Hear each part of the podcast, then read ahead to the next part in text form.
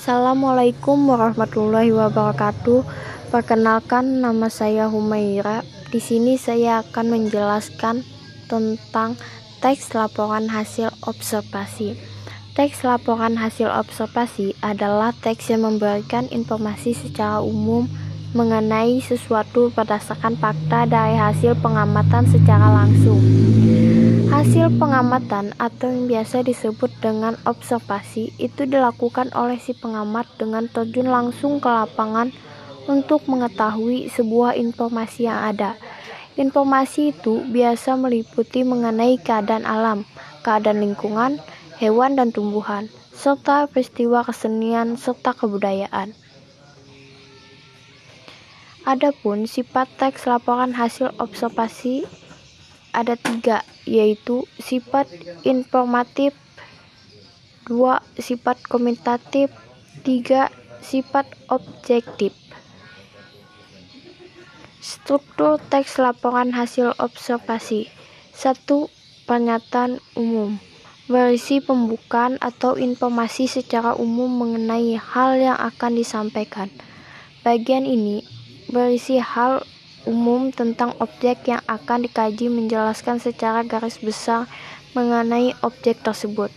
2. Deskriptif bagian Terdapat isi rincian pembahasan dan penjelasan secara lebih mendalam mengenai informasi yang ingin disampaikan. 3. Deskripsi manfaat Deskripsi berisi fungsi atau manfaat setiap objek yang diamati dalam kehidupan. Adapun kaidah kebahasaan teks laporan hasil observasi. 1. Menggunakan frasa nomina yang diikuti penjenis dan pendeskripsi. 2. Menggunakan verba relasional seperti ialah, merupakan, adalah, yaitu, digolongkan termasuk. 3. Menggunakan verba aktif alam lain ini untuk menjelaskan perilaku seperti bertelur, membuat, hidup, makan, tidur, dan sebagainya. 4. Menggunakan kata penghubung untuk menyatakan. 5. Menggunakan kalimat simpleks dan kompleks.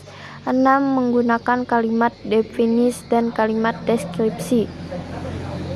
7. Menggunakan kata keilmuan atau teknis sebagai herbivora, degeneratif, osteoporosis, mutualisme, parasitisme, dan lain-lain. Itulah pengertian struktur teks kebahasaan yang digunakan dalam teks hasil observasi. Sekian dari saya.